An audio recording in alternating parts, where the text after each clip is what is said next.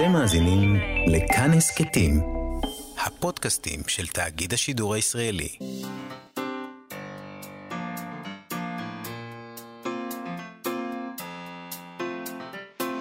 מה שכרוך עם יובל אביבי ומה יעשה לה.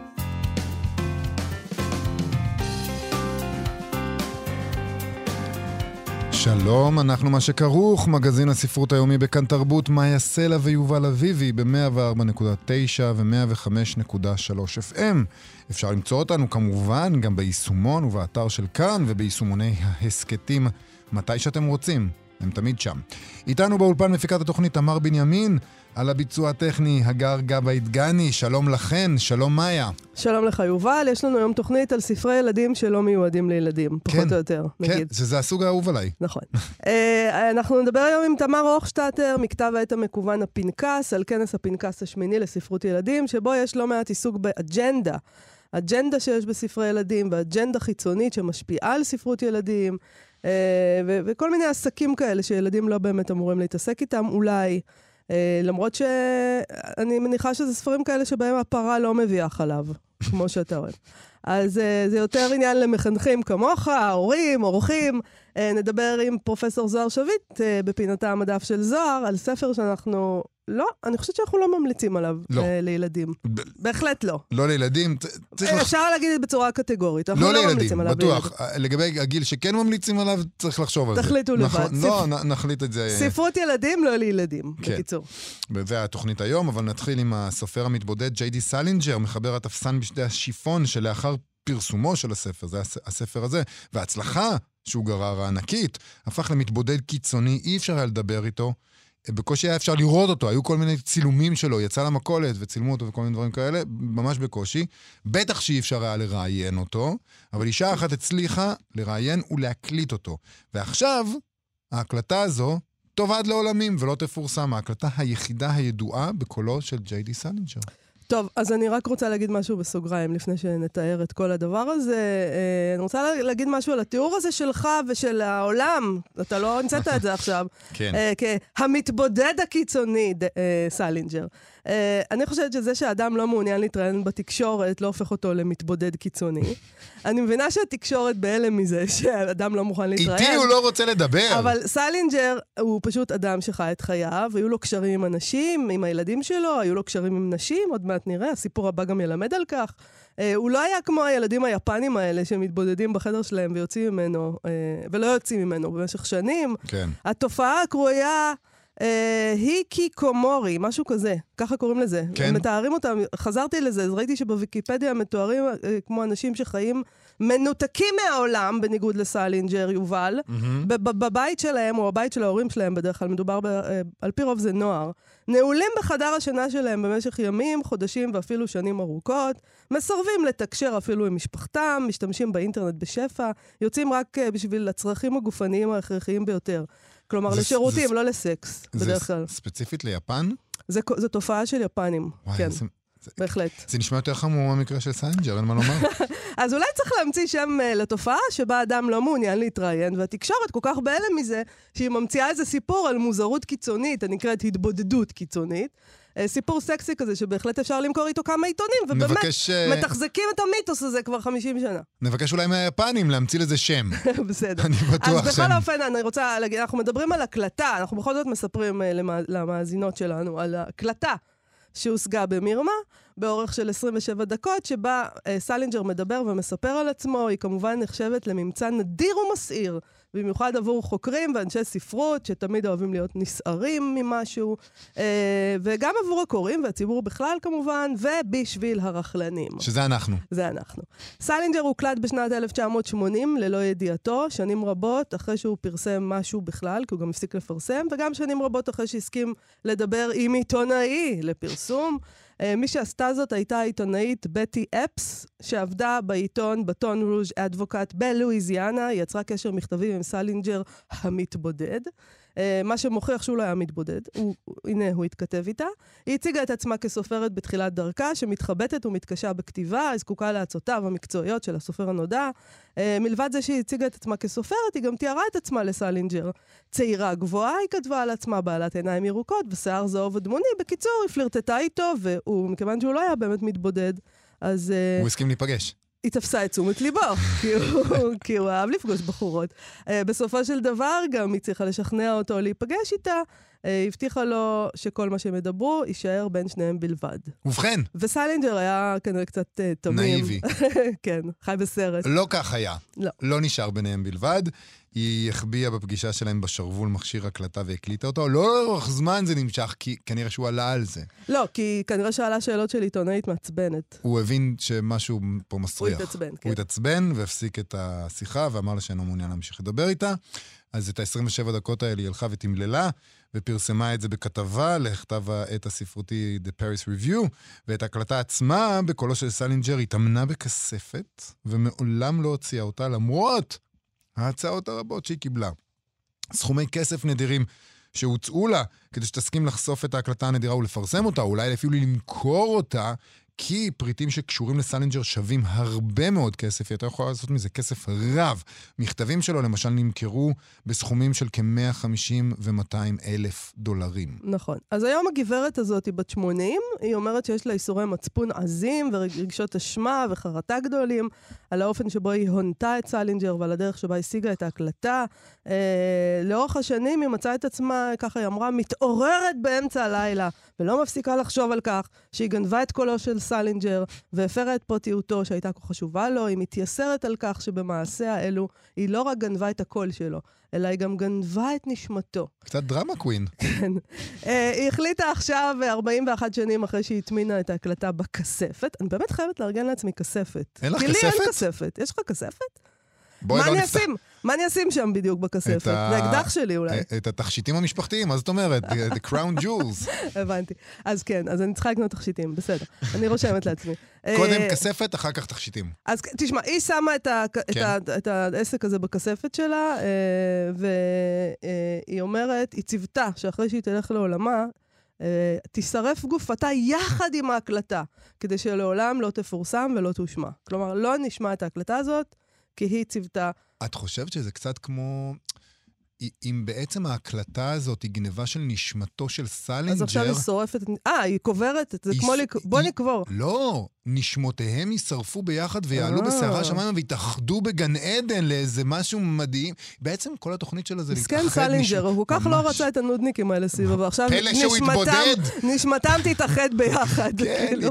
תשב איתו בגן עדן עם מכשיר הקלטה בשרוול, ותגיד לו, סלינג'ר, סלינג'ר, תגיד, איך, אה, למה, למה התבודדת? הוא, בגללך!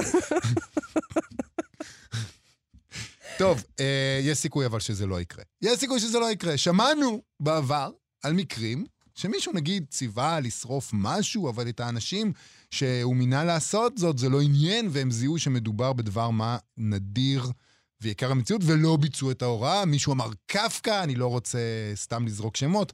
לכאורה, קפקא לכאורה. מקס ברוד אמ- היה אמור לשרוף את uh, כתביו, ואמר על כך שהוא הוא לא שרף אותם, כן? כולנו יודעים את זה, כי יש לנו את הכתבים של קפקא, אבל הוא אומר, הוא אמר על שכשקפקא ביקש ממנו לעשות זאת על ערש דווי, הוא סירב מולו, הוא כבר אמר לו, תקשיב, פרנץ, אה, זה לא יקרה." זה לא עומד לקרות, אתה באמת... ואחרי זה הוא אמר, זה מקסים, פרנץ היה צריך למנות מישהו אחר כמוציא לפועל, אם היה נחוש באופן סופי ומוחלט שהוראותיו יתממשו. בקיצור, הוא אומר, פרנץ קפקא מינה אדם שידע שלא, הוא בכוונה מינה אדם שידע שלא יעשה את זה, בעצם, זה מה שהוא אמר. אז אולי גם במקרה של סלינג'ר, אני מקווה, כן, אני רוצה לשמוע את זה, סליחה. שמי שהיד של מי שאמור לשרוף את זה תרעד קצת, תפיל את הגפרור, לא... תשמע, אם הגברת הזאת כל כך קדושה והמצפון שלה כל כך מציק לה, היא בהחלט מוזמנת לשרוף את ההקלטות האלה בעודה בחיים. היא גנבה את נשמתו, איזה אגו.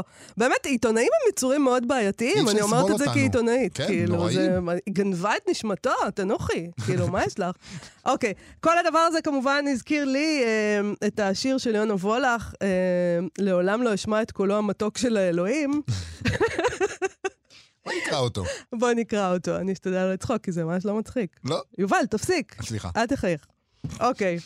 אה, לעולם לא אשמע את קולו המתוק של האלוהים. לעולם לא יעבור עוד קולו תחת חלוני. טיפות גדולות ירדו במרחבים, אות. אין האלוהים בא עוד בחלוני. איך אוכל עוד לראות את גופו המתוק, לצלול בעיניו, לא ארד עוד לשלוט. מבטים יחלפו ביקום כמו רוח, איך אזכור את היופי הזה ולא אבך. ימים יעברו בחיי כמו רטטים בגוף, ליד רסיסים של זכרי מגע נשברים עוד יותר מבכה.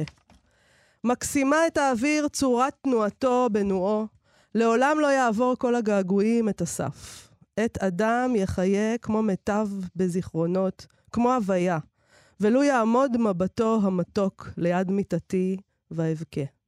זה שיר מהמם, אבל אולי עכשיו צריך לשנות אותו. לעולם לא אשמע את קולו המתוק של האלוהים, אבל אולי את קולו של סלינג'ר כן, אי אפשר לדעת עדיין. זה, זה מה שהייתה כותבת לו הייתה איתנו. בוא נתחיל.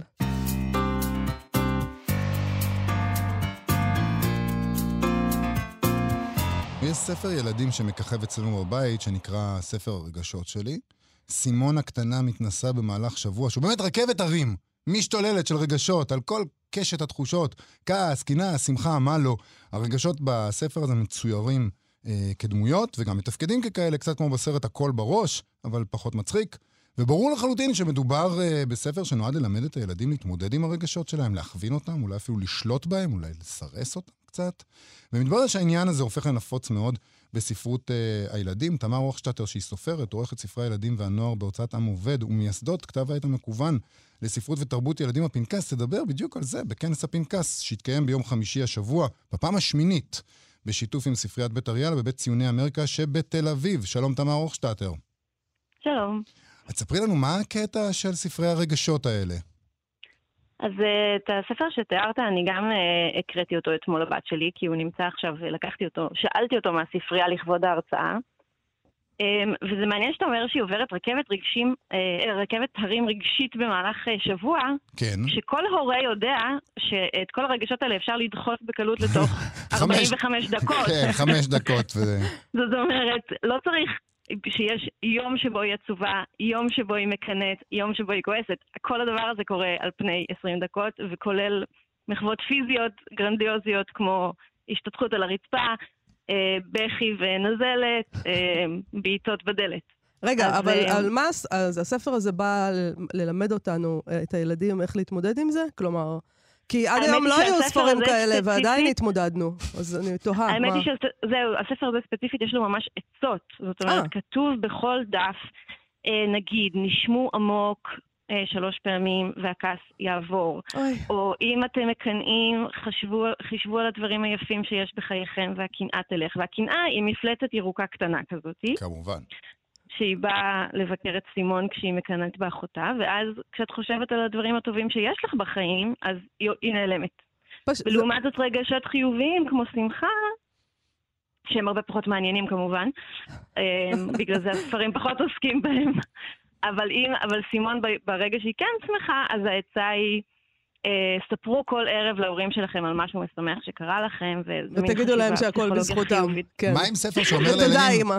מה עם ספר שאומר לילדים, תקשיבו, אה, החיים הם מלאים תסכולים. מה אם לא להגיד להם כלום? אולי סתם לספר להם סיפור, אתה יודע. לא, לכעוס זה בסדר, אתם ת- תכעסו קצת, אה, אתם יכולים לקנא גם, אה, אתם יכולים לבכות, אה, זה רגשות לגיטימיים. זהו, אתמול פתאום חלפה בי המחשבה שאולי אנחנו, הרי אנחנו בתקופה שאנחנו עושים כמעט לכל דבר אאוטסורסינג, מיקור חוץ.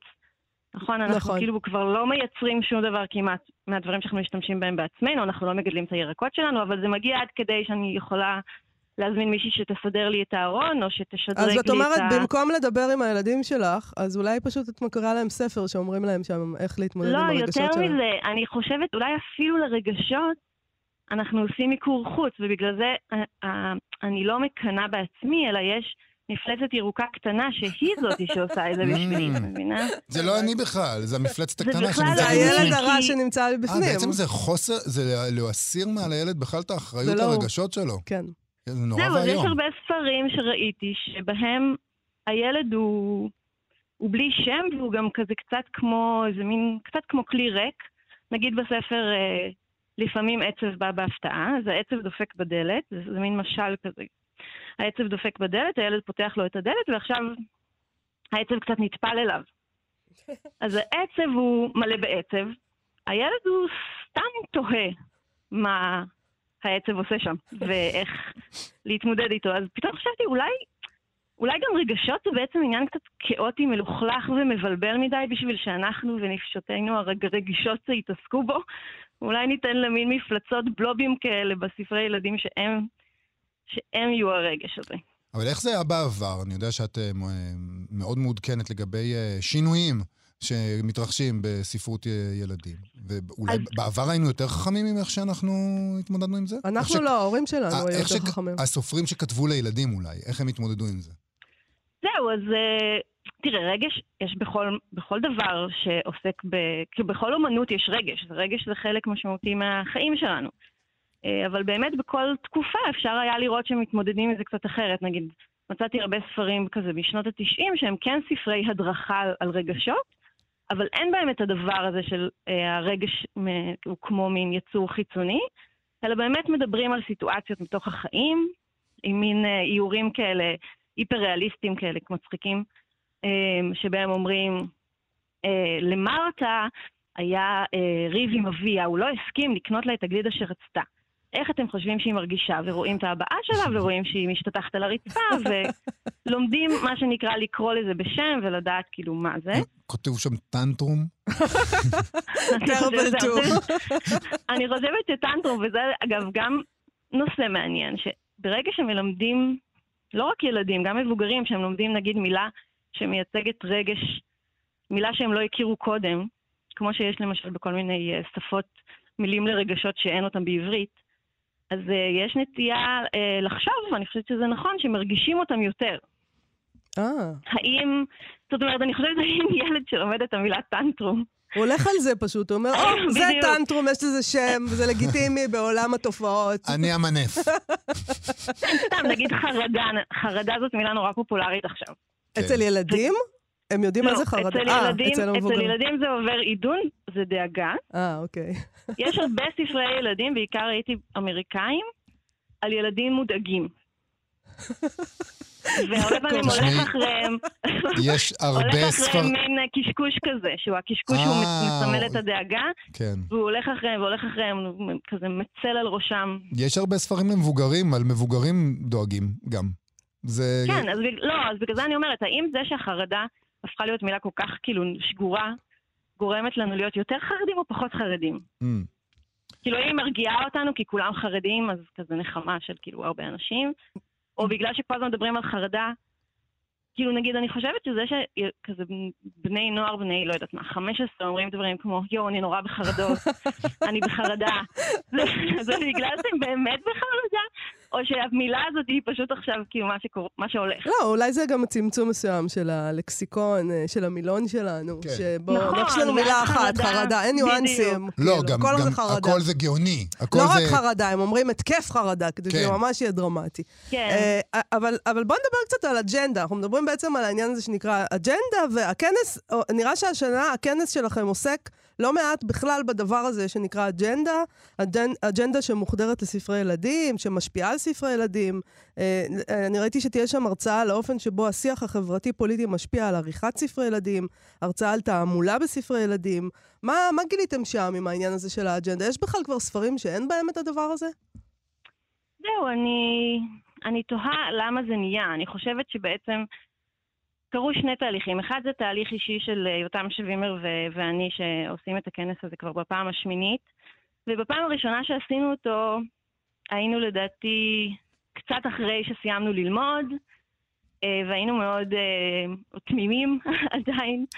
והיום אנחנו שנינו אורחים של ספרי ילדים.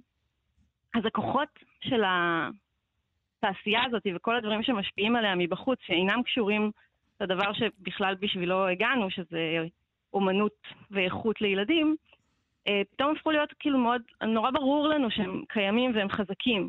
וכשבשביל למכור ספרי ילדים, חייבים קודם לעבור דרך הרבה מבוגרים. זה מאוד מצער. נכון, זה נכון. אה, שצריך לעבור דרך מחנכים, וצריך לעבור דרך... והדבר השני זה שאני חושבת שספרות ילדים היו תקופות שהייתה האזור שלא מסתכלים עליו כל כך, וזה היה מעולה. ואפשר היה לעשות אה, מה שרוצים. מוריס סנדק, ש... שכתב ואייר את ארץ יצורי הפרא, ש... כששאלו אותו למה הוא הלך לעשות ספרות ילדים, אז הוא אמר ש... בגלל שכאילו לא כל כך הסתכלו שם, והוא רצה... והוא גם קצת חשש, והוא רצה לעשות את האומנות שלו כמו שהוא רוצה, והוא אמר, והיו שם רק נשים לפני שגברים באו והרסו את זה, הוא אמר, והבינו שיש בזה כסף. אז... אה, ו- וזה כבר לא ככה, אנחנו בתקופה שהיא נורא נורא מגוננת על הילד, אז כל דבר עובר מבחנים. ומפקחים כל הזמן על הכל, אז גם על זה, כן, פתאום יש בדיוק. פיקוח. ויש בדיוק, כזה מה נכון, מה. לא נכון, אה, כל הדבר הזה. תנו לספר נכון, סיפור וכל כבר. דבר שאנחנו כאילו דורשים מעצמנו, כמו נגיד להיות פוליטיקלי קורקט, אנחנו דורשים אותו פי, לא יודעת, פי חמישה מהילדים. כי אז צריך לחנך אותם על, על גבי זה. איזה מסכנים הם. מאוד, מאוד. האמת שזה באמת, אני, אני באמת חושבת, אני קוראת לפעמים ספרים, לא יודעת מה, ספרים של נורית זרחי משנות ה-80, ואני אומרת, וואו, איך זה קרה. לא אבל הספרים. האלה, הספרים האלה לא נעלמו. זה לא שאין לנו את הספרים האלה. אנחנו עדיין יכולים לקרוא אותם לילדים שלנו. אמ, אלא אם כן. אנחנו בוחרים שלא לעשות את זה, כי אנחנו חושבים שהם לא חינוכיים. קודם כל, אני זוכרת שפעם הייתה לנו כבר שיחה, ואתה, יובל, סיפרת איך אתה מצנזר קלאסיקות, ובמקום לא זוכרת מה, אומר משהו אחר, או בוחר סתם לא לקרוא את השורה אני הזאת. קצת מיתנתי את הגישה הפסאודו- הפסאודו-ליברלית הזאת. אבל נגיד, נורית זרחי היום, לפי דעתך, בעצם לא היו מוציאים ספרים שלה, כי היא, כי היא כל כך פרועה, וכל כל הדמיון אז הזה היו שם. ספרים, אני חושבת שלא. כן, שזה כאילו יותר מדי, גם, גם פחות מדי קונקרטי, שזה נורא מצחיק, כי ילדים, למה ילדים צריכים דברים כאילו כל כך קונקרטיים? זה לא ש... וסתם, בהקשר של הרגשות למשל, חשבתי למה בכל הספרים על הרגשות יש לנו את הכעס, את העצב, את הפחד, את, ה... את אותם באמת חמישה-שישה רגשות. כאילו, נגיד והיינו מלמדים ילדים על... אה, היינו עושים דמות שהיא דמות שקוראים לה כמיהה. או דמות שקוראים לה חרטה. זה כאילו נדמה לנו שזה כאילו מורכב, או שזה מילים קצת כאלה גבוהות, אבל בשביל ילדים, הרי ילדים חשים את, ה- את הרגשות האלה, אז למה לא דווקא לדבר על זה? זה ומה- יותר אומנותי. חשבת באמת אבל בעיניי. על, על סיבה מדוע לא עושים את זה? אולי זה נראה לאנשים מורכב מדי באמת, אה, והם אומרים לעצמם, טוב, בואו ניקח את החמישה הרגילים. לא, אולי המבוגרים כבר לא מרגישים את הרגשות האלה. והם, חרטה? הם, הם יודעים... אה, כן, חרטה זה לא, עכשיו, אנחנו לא מתנצלים, אין יותר חרטה. אה, ואנחנו חשים אותה. חרטה זה לא... אנחנו, זה לא חשים, הסיפור. אנחנו לא מתנצלים, אבל אנחנו חשים אותה בפנים כל יום. אה, אני, אה, אני חושבת שהרגשות האלה הם רגשות שיש להם ביטוי פיזי יותר מובהק. Mm. כעס ועצב. נכון. אז אפשר אה, גם לדבר עליהם, אבל גם לטפל בהם. תשמעי, כאילו, אני, פעם הבאה אני שאתה רואה... כועס, תגיד לי שאתה כועס. אני רואה. שבאולימפיאדה, כשפורשת אה, מתעמלת אה, מספר אחד, אז ישר אומרים שמדובר באישה חלשה אה, שמוותרת, וזה דוגמה. לשמאל הקיצוני, שזה מה שהוא רוצה להשית על העולם. אז עכשיו את תתחיל לדבר עם ילדים על חרטה וכל מיני דברים מורכבים, כמיהה, מה, מה, את- מה את מגדלת שם? איזה חבורת אנשים חלשים. הם כאילו. לא יזכו באולימפיאדה ככה. אה, נכון, נכון. בואי, נגיד עוד פעם אה, שאנחנו מדברים על הכנס שלכם, הפנקס, נכון, בשיתוף שהתקיים עם ביום... בית אריאלה. נכון, והוא מתקיים בחמישי הקרוב. ממש כן. השבוע. כל, ה, כל הבוקר בחמישי הקרוב בבית ציוני אמריקה, ויהיו שם גם אה, הרצאות על תהליכי עבודה של מאיירים, ואנחנו נדבר על אג'נדות, אבל אנחנו גם נראה הרבה מאוד אה, ספרי ילדים יפים שיצאו בתקופה די ארוכה שבה לא עשינו את הכנס, בגלל כל נכון, שאני לא. אה, בגלל הקורונה. אני, זוכרת. ותחלקו פרס. תחלקו פרס, נכון? נכון, לנירה הראל. יפה מאוד. אז אה, כל הדבר הזה ביום חמישי. תמר הוכשטטר, המון תודה לך על השיחה הזאת. תודה. להתראות. עכשיו, המדף של זוהר. מה שכרוך בכאן תרבות, חזרנו ואנחנו ממשיכים עם ספרות הילדים, אה, לא שגרתית הפעם, בפינתה של פרופסור זוהר שביט מאוניברסיטת תל אביב, המדף של זוהר. באופן רגיל מדי שבוע אנחנו מוסיפים ספר למדף הספרים המומלצים לילדים ולנוער. היום אנחנו עם ספר בעייתי, יכול להיות שאנחנו נמליץ להוציא אותו מהספרייה, עוד מעט נחליט. שלום פרופסור זוהר שביט. שלום, שלום. אנחנו לא כך מהר מוציאים ספר. אז בוא נראה, אנחנו מוציאים את התיוג שלו. אוקיי, אז בוא נראה, אנחנו זה מדברים, ספר קלאסי נהדר. זה קלאסי, ואנחנו מדברים על אה, פרנסואה ראש גזר, נכון? פרנסואה ראש גזר, כן. אז מה, בואי נת... בוא נתחיל. ונספר uh, למאזינים שלנו, אט-אט, בעדינות, מה הבעיות של הספר הזה. אוקיי. אז תראו, uh, הוא נחשב, כמו שאת אמרת, ספר ילדים, אבל אני, בלי לפתוח את הדיון בשאלה מה זה ספר לילדים, כי התשובה מאוד מורכבת, לא הייתי ממליצה לתת לילדים uh, לקרוא בו, ואני רוצה לומר שאפילו בקריאה הנוספת, שוב, הייתה לי חוויה מאוד קשה של קריאה בספר. במיוחד מפני שתמיד זוכרים, וגם אני זכרתי, את המחזה, את ההצגה שהייתה הצגה חביבה, נקרא בשם פרנסואה איש גזר, הועלתה בארץ כמה פעמים, ולאחרונה בתיאטרון אורנה פורט לילדים. אה, הצגה שתיארה את המעללים המשעשעים של ילד ג'ינג'י אה, שובב. לעומת זאת, הספר הקשה הזה מתאר ממש את מחוזות האבסורד של אימהות אה, מזן אחר. ובמרכז שלו תוארים יחסים פתולוגיים בין האם, מדאם לפיק, לבן שלה, שמכנים אותו ראש גזר, ובתוך הספר, בספר עצמו אין לו בכלל שם, שבשיתוף פעולה עם שני האחים המבוגרים שלו, האח פליקס והאחות ארנסטין, הופכים את חייו של הילד למסכת של התעללויות מקוממות, שכל פעם באמצע הקריאה אמרתי לעצמי, רגע, איפה המועצה לשלום הילד? איפה יצחק קדמן? תופיע, כן. Mm-hmm. והצירוף של הסצנות האלה הופכות אותו בעיניי לא רק לא לסיפור משעשע, אלא לסיפור אימה. והיו לי כמה ימים מאוד קשים אחרי הקריאה בספר, כי התמונות, הספר בנוי מתמונות תמונות, המשיכו ללוות אותי לא רק בימים, אלא גם בלילות. ו- ונראה שהביוגרפיה של הסופר יכולה לרמוז מאיפה הוא הביא את, ה- את הסיפורים האלה. תראי, זה לדבריו זה באמת המקור בביוגרפיה.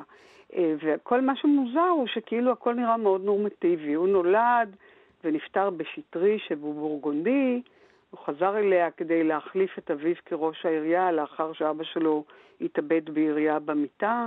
המשפחה שלו השתייכה לאריסטוקרטיה הבורגנית הכפרית. האמת היא שבמבט שלנו מן המאה ה-21 החיים שלה לא נראים משהו, אין חשמל, אין מים, הם... זה די עלוב נראה, גם לא בטוחה כמה זה נקי. אבל הם מתגוררים לכאורה בבית אחוזה מרובה חדרים, יש משרתים, הם יוצאים במיוחד האב לתכופות למסעות ציד, הילדים לומדים בפנימיה פרטית יקרה. הוא עצמו קיבל חינוך טוב, ובבגרותו גם אבא שלו תמך בו כלכלית כשהוא חי בפריז אה, כסופר.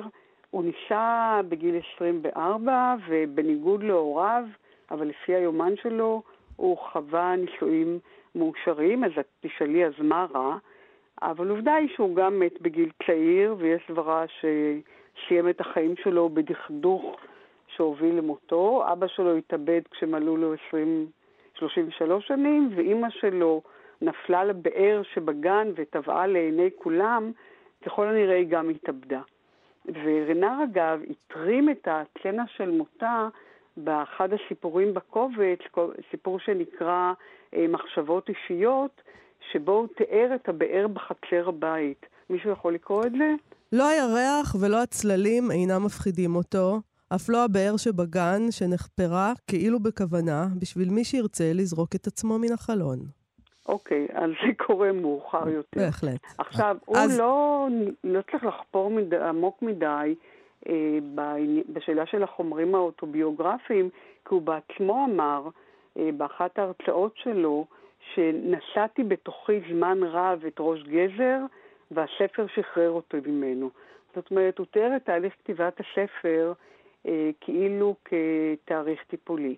עכשיו, צריך לומר עוד לפני שנעבור לסיפור עצמו, שהוא כתב אה, יומן מגיל 23, והוא כל כך הזדהה עם מה שהוא מסופר בראש גזר, שמשלב מסוים ביומן הוא קורא לבני המשפחה שלו בשמות של גיבורי הספר, כלומר של בני אה, משפחת לפיק. אבל הוא עצמו אה, הייתה לו ראייה מאוד אה, לא סימפטית, ככה בלשון המעטה, אה, של ילדים, כי ב-1890 הוא כתב בהתרסה נגד הדימוי המלאכי של הילדים. הוא כתב, ויקטור היגו ורבים אחרים תיארו את הילד כמלאך. צריך לתאר אותו כפרא אדם וכשטני. צריך לשבור את הילד מסוכר. חתול אנושי יותר מילד. וואו. טוב, זה נשמע מתכון ממש היום לסופר לסופר לילדים. ילדים, כן. מה, מה, מה, איזה ספר יצא מזה? אז יש ספר ויש מחזה. הספר ראה אור לראשונה ב-1894, ב-1900 הוצג לראשונה מחזה, ואחר כך יצא עוד המשך, מהדורה מורחבת לספר. המחזה מאוד אה, שונה מן הספר והוא הרבה יותר והוא זה שהקנה לרנר את פרסומו הרב ואת הצלחתו המסחרית, אבל הספר הוא זה שזיכה אותו בתהילת עולם אה, כסופר, לאו דווקא בשל התמטיקה המעוויתה שלו, כי יש עוד ספרים כאלה שמתארים את הילדים כמפלצות, אלא בגלל הסגנון שלו. זה, הוא לא כתוב כרומן שגרתי, אלא הוא עשוי סיפורים סיפורים שהתמונות נשזרות ביחד למעין רומן מסוג שונה וחסכני מאוד, שמתואר לכאורה על ידי מתבונן מבחוץ ודרך עין המצלמה. כלומר, יש אפקט מאוד אה, בולט של ריחוק. אה, עכשיו, רנר כתב על השטניות של הילד, אבל יותר מכפי שהוא מציג בספר ילד שטני, הוא מצוי ילדות נוראה של ילד בודד, הכמה על האהבה וסובל מההתעללות של בני המשפחה שלו. שלא זו בלבד שהם מתעלמים מן הילד, מלעיגים עליו, בכלל לא קשובים לצרכים שלו, הם גם מרהיבים אותו, ואחרי שהרטיב במיטה, בעיניי באחת הצנות הכי נוראיות בספר, אימא שלו מאכילה אותו בצרכיו. והיא בעיניי צנה כל כך נוראה, מפני שהיא לכאורה משלבת חמלה אמהית, אם שמאכילה את ילדה באהבה רבה, יחד עם התעללות אה, סטדיסטית. וזה קורה אחרי שאימו מגלה ששוב הוא עשה את צרכיו במיטה, ואז מובאת הצצנה הבאה. מאדם לפיק מתאפקת שלא להתפרץ. היא מנקה, מרגיעה, נוטה חסד, אימהית, ואפילו למחרת בבוקר, כמו ילד מפונק, מקבל ראש גזר ארוחת בוקר לפני שהוא קם מן המיטה. מאדם לפיק, כפית אחר כפית, מאכילה את גוזלה הכת. בזווית העין דומה שהיא מרמזת לאחיו הגדול פליקס ולאחות ארנסטין. שימו לב, התכוננו. מרימה לאט לאט את הכף האחרונה ותוכבת אותה אל תוך הפה הפעור לרווחה, עד לגרונו של ראש גזר. מלעיטה אותו, מאביסה אותו ואומרת בהיתול ובשעת נפש גם יחד. אה, טינופת קטן שלי, אכלת אותה, אכלת ושתית עד הסוף את שלך, מאתמול. זה פשוט מזעזע. איזה, נכון. איזה דמות של ילד יוצאת מיחס כזה? אז תראו, האמת היא שהוא, היו לו חיים נורמטיביים וכאילו חיי אה, נישואים מאושרים, אבל האמת, וזה לפי דעתי אחד הדברים הכי מעניינים בספר, הוא בכל זאת נכתב לא כל כך רחוק מפרויד, זה ספר בלי פסיכולוגיה ובלי מניעים, ואנחנו לא מבינים למה הדמויות מתנהגות אה, כך, כי היא שורה עליהם סתמיות אה, חסרת פשר. אין לו חברים, אף אחד לא אוהב אותו, להוציא את הסדק שמאוד אוהב אותו, אין לו נפש חיה בעולם, והבדידות הנוראה הזאת עומדת מאחורי המשפט המאוד מצוטט מהספר, לא כולם זוכים להיות יתומים. משפט נהדר, אה? זה ציטוט, לא זה ציטוט טוב כולם האמת. זוכים להיות כן, אה, כן. אה, יתומים. עכשיו, אמו מתעללת בו באופן שיטתי, ואין לכך הסבר בספר, כמו שאין הסבר ותכלית למעשים האכזריים של הילד. אי אפשר להגיד שהוא ילד שובב, כי האמת היא שהוא ילד אלים, והוא אכזר, והוא חסר חמלה. הוא הורג בעלי חיים, בהנאה? לא ברור. הוא מרטש את הגופות שלהם. אז לכאורה הוא ילד סדיסט, אבל באותה עת הוא גם ילד שכמה לאהבה, ואני חושבת שאחת התמונות קורעות הלב שבספר היא התמונה שבה הוא גורם לפיטורי המדריך בפנימייה, כי הוא מלשין עליו שהוא נשק את אחד הילדים, בצנה שמרמזת לכאורה לנטייה מינית לא כשרה. ואז כאשר המדריך מגורש מהפנימייה בעקבות ההלשנה שלו, ויוצא לדרך, הוא מכנה את ראש גזר בכינוי גנאי, ראש גזר אה, צועק, למה אותו נשקת ואותי לא? למה? אה, בעצם הוא נקם בו על זה הוא שהוא לא קיבל כך- נשיקה. מהמם. סליחה? הוא נקם בו על זה שהוא לא קיבל את הנשיקה. בדיוק כך. בשבילו שהוא לא גילה לו אהבה. אז המחזה, אמרת, אה, נלך למחוזות קצת יותר אופטימיים, המחזה הוא יותר אה, עדין. הוא, הוא קודם כל לא חידתי אה, כמו הספר, והוא הרבה יותר סלחני. אה, לפחות לפי ההבנה שלנו, שלכל דבר ועניין יש הסבר פסיכולוגי. אגב, זה גם דבר לא, שאף אחד לא הוכיח אף פעם, אבל זאת ההנחה שלנו כשאנחנו אה, קוראים ספרים. אז ההסבר הפסיכולוגי שניתן במחזה הוא שההורים של אה, פרנסואה לא רצו בו, היה ילד לא רצוי, שבין ההורים שרר ניכור, והילד הזה היה קורבן לחוסר הקשר בין הוריו, והמחזה, לעומת הספר שמסתיים רע, המחזה מסתיים בפיוס בין האב לבנו, ואולי בגלל זה הוא גם זכה לכזאת אה, הצלחה גדולה. בכל מקרה, הקריאה בספר הזה מותירה את הקורא, או לפחות הותירה אותי עם תחושת אה, מועקה כבדה, אבל יחד עם זאת, עם חוויה מהסוג הנדיר שמעניקה קריאה ביצירת מופת, כי אי אפשר להפסיק לחשוב עליו. והוא גם כתוב בכזה ניקיון וכל כך בחסכנות, שהוא באמת אה, יצירת מופת, לא בגלל העולם שהוא מתאר, אלא בגלל הסגנון המדויק והיבש לכאורה, והיכולת לברוא עולם משדרה של תמונות שבנויות על אין ספור פרטים. עכשיו תראו, זו יצירת מופת שכדאי להכיר אותה. האם היא מיועדת בעיקר למבוגרים, או אולי גם לבני הנעורים? אני לא בטוחה. בכל מקרה, אם בני הנעורים יקראו בו, הם לפחות יוכלו לומר לעצמם כי מזלם שפר עליהם שנולדו לא במאה ה-19. אבל אולי באמת עדיף אחרי גיל 21 ככה, אה, לצד טיפול אולי, אז אפשר לקרוא את זה. עם הפסיכואנליטיקאי שלכם. פרופסור זוהר שביט, תודה רבה על הפינה תודה. הזאת. תודה. בשבועיים הבאים אנחנו נעשה תיקון. טוב, תודה רבה. מאוד יפים על יחסים בין הורים לילדים. תודה רבה לך. תודה, זוהר. להתראות.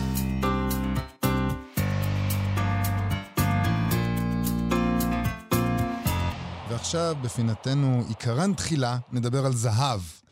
אתמול קרה דבר היסטורי. ארטיום דולגופיאט זכה במדליית זהב בהתעמלות קרקע, פעם ראשונה שישראלי זוכה בזהב, במדליית זהב באחד ממקצועות הליבה של האולימפיאדה. ככל הנראה, ככה כתבו האנשים שמבינים בספורט. ההישג הספורטיבי הכי גדול של ישראלי אי פעם. מדהים. מרגש. מדהים ומרגש. ולכבוד הזכייה שלו במדליית זהב, בפינה שלנו עיקרה, אה, עיקרן תחילה. אנחנו מגיבים לאירועי היום טקסטים ספרותיים. נקרא מתוך הפרק זהב בספר הטבלה המחזורית של פרימו לוי. בפרק הזה לוי מתאר כיצד כפרטיזן הוא נתפס ונכלא, הוא מתאר כיצד סוד מעיק עליו ועל חבריו שנשבו, סוד זה ציטוט, סוד שחשף אותנו ללכידה לאחר שקיבע בנו, ימים ספורים קודם לכן, כל רצון להתנגד או אפילו לחיות. מה הסוד הזה? כמו תמיד אצל לוי יש לזה רמזים ביסוד שבו הוא בוחר כשם לפרק ובוחר לעסוק בו בפרק. כשמגיע אסיר נוסף לתא, מתפנח אולי, זה מין רמזים כאלה שאתה לא לגמרי מבין את הרמזים.